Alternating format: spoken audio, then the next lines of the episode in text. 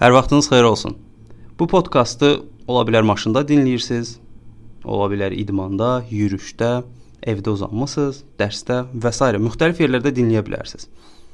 Bax, bu podkastı dinləyən hər bir adamın beynində həyat dediyi şey müxtəlif formada qavranılıb izah edilir. Mənim üçün həyat başqa bir şeydir, sənin üçün başqa, o birisi üçün ümumiyyətlə başqa bir şey və s. Yəni hər birimizin bu həyata dair bir inancları, bir ideoloji baxışları var. Həmin bax bu ideoloji baxışlar biz doğulan zaman yaşadığımız yerdə yaradılır, bizə yeridilir.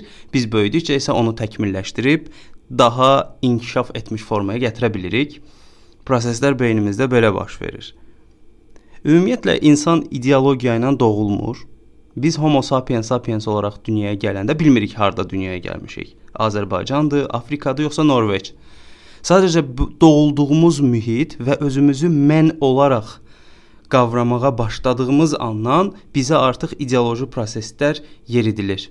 Yəni bir Afrikada qəbilədə doğulsaydıq, onun qaydalarına uyğunlaşacaqdıq. Norveçdə doğulsaydıq, yüksək ehtimalla ateist ola bilərdik və yaxud xristian və ya qatı bir İslam ölkəsində doğulsaydıq, çox qatı bir dindar ola bilərdik, radikal bir dindara da çevrilə bilərdik və s. Yəni əslində ideoloji məsələləri özümüz seçmirik, amma dolayısıyla bu şeylərin içindəyik. Çünki beynimiz bir ideologiya yaratmağa meyllidir. Məsələn, belə bir önəmli nümunə var. Elm ideologiya ilə məşğul olmur. Elm nəyin necə olduğunu izah edir. Amma nəyisə mənalandırmaq üçün bizim inanclarımız ortaya düşür. Məna verməliyik. Bu şeyin mənası nədir? Mən niyə dünyaya gəlmişəm? Elm niyə dünyaya gəldiyinin mənasını axtarmır. Dünyaya gəlmə prosesinin necə olduğunu izah edir. Məna axtarma isə inanclarla baş verir. Bu inanclar isə bilinməyən bir şeylərdir və sorğulanması çox çətin, sübut edilməsi çox çətin olan bir şeylərdir. Həmin inancların üzərindən də bir ideologiya yaradılmış olur və biz bu ideologiyanın içərisində çarpışırıq. İnanc dediyimiz şey də bu arada məsələ burada söhbət dini inancdan getmir. Təbii ki, həyata dair inanclarımız, insan münasibətlərinə aid inanclarımız, dini inanclarımız və s. inanclar bölünə bilirlər. Çünki inanclar mücərrəddir. Həmin mücərrədlik insanları heç zaman nəyisə dəqiq şəkildə sorğulamağa icazə vermir. Məsələn, keçmişdə deyirdilər ki, ə, e, psixologiya şeytan elmidir. Məsələn, belə bir ifadə var idi. Riyaziyyat haqqında da bəzən belə düşünürdülər. Yavaş-yavaş bu formalaşdı. Mücərrəd olmayan şeylər dəqiq elmlər, mücərrəd olunub amma isbatlanan şeylər isə sosial elmlərə çevrilməyə başladı. Bu da zaman-zaman artıq cəmiyyətdə e, insanlar tərəfindən istifadə olundu, tamamilə normallaşa bildi. Bax, bir ağac götürək ağacın necə yarandığını, necə böyüdüyünü, yetişdiyini elmi olaraq, yəni bioloji olaraq sübut eləyirik. İndi keçirik məsələnin ideoloji tərəfinə. Ağacla bağlı bir ideologiya yaratmaq istəyirik. Məsələn, adı olsun ağacizm.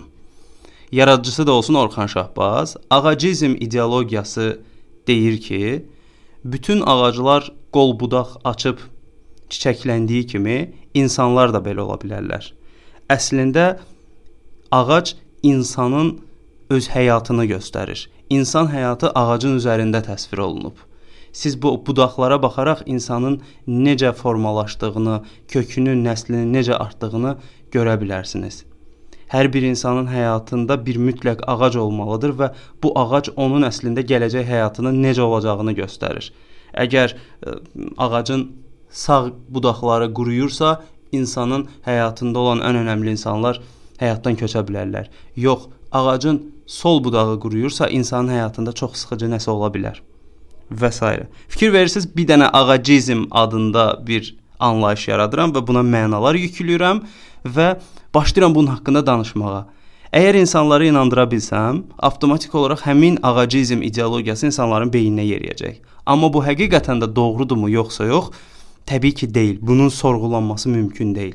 Amma onun ətrafında bir inanan, onunla birləşən və o ideoloji baxışı qoruyan adamlar toplanırsa, mən onu güclü bir şəkildə insanların beyninə yeridə bilirəm və bu geniş şəkildə yayıla bilər.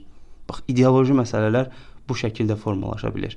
Həyatda hər şey ideologiyadırmı? Bəli, ideologiyadır. Bizi bir-birimizə qırdıran, düşmən də eləyən, dost da eləyən ideoloji baxışlarımızdır. Və bunlar heç zaman bilinmir, sorğulanması mümkün deyil. Sorğulanan zaman isə çox təhlükəli bir nöqtəyə gəlib çıxırıq. Dünyada hər şey ideologiyaların mübarizəsində baş verir. Sevgidən tutmuş savaşa, yəni müharibəyə qədər. Hər şey ideoloji məsələdir. Biz bunun içərisindəyik, hər zaman belə olacağıq. Bunun içərisində olub amma burada ədalətli bir seçim eləmək çox çətin olsa da, amma mümkünsüz də deyil. Məsələ budur ki, bunları analiz etməlisən, nəyin necə olduğunu bilməlisən, ideoloji məsələlərə baxmalısan və sağlam olan bir şeyi, yəni başqasına ziyan vermədən sağlam olan bir şey özünə seçməlisən deyə düşünürəm ki, bunları etmək lazımdır ki, beynimiz yuyulmasın. Podkastı dinlədiyinizə görə təşəkkür edirəm. Növbəti podkastda görüşərik.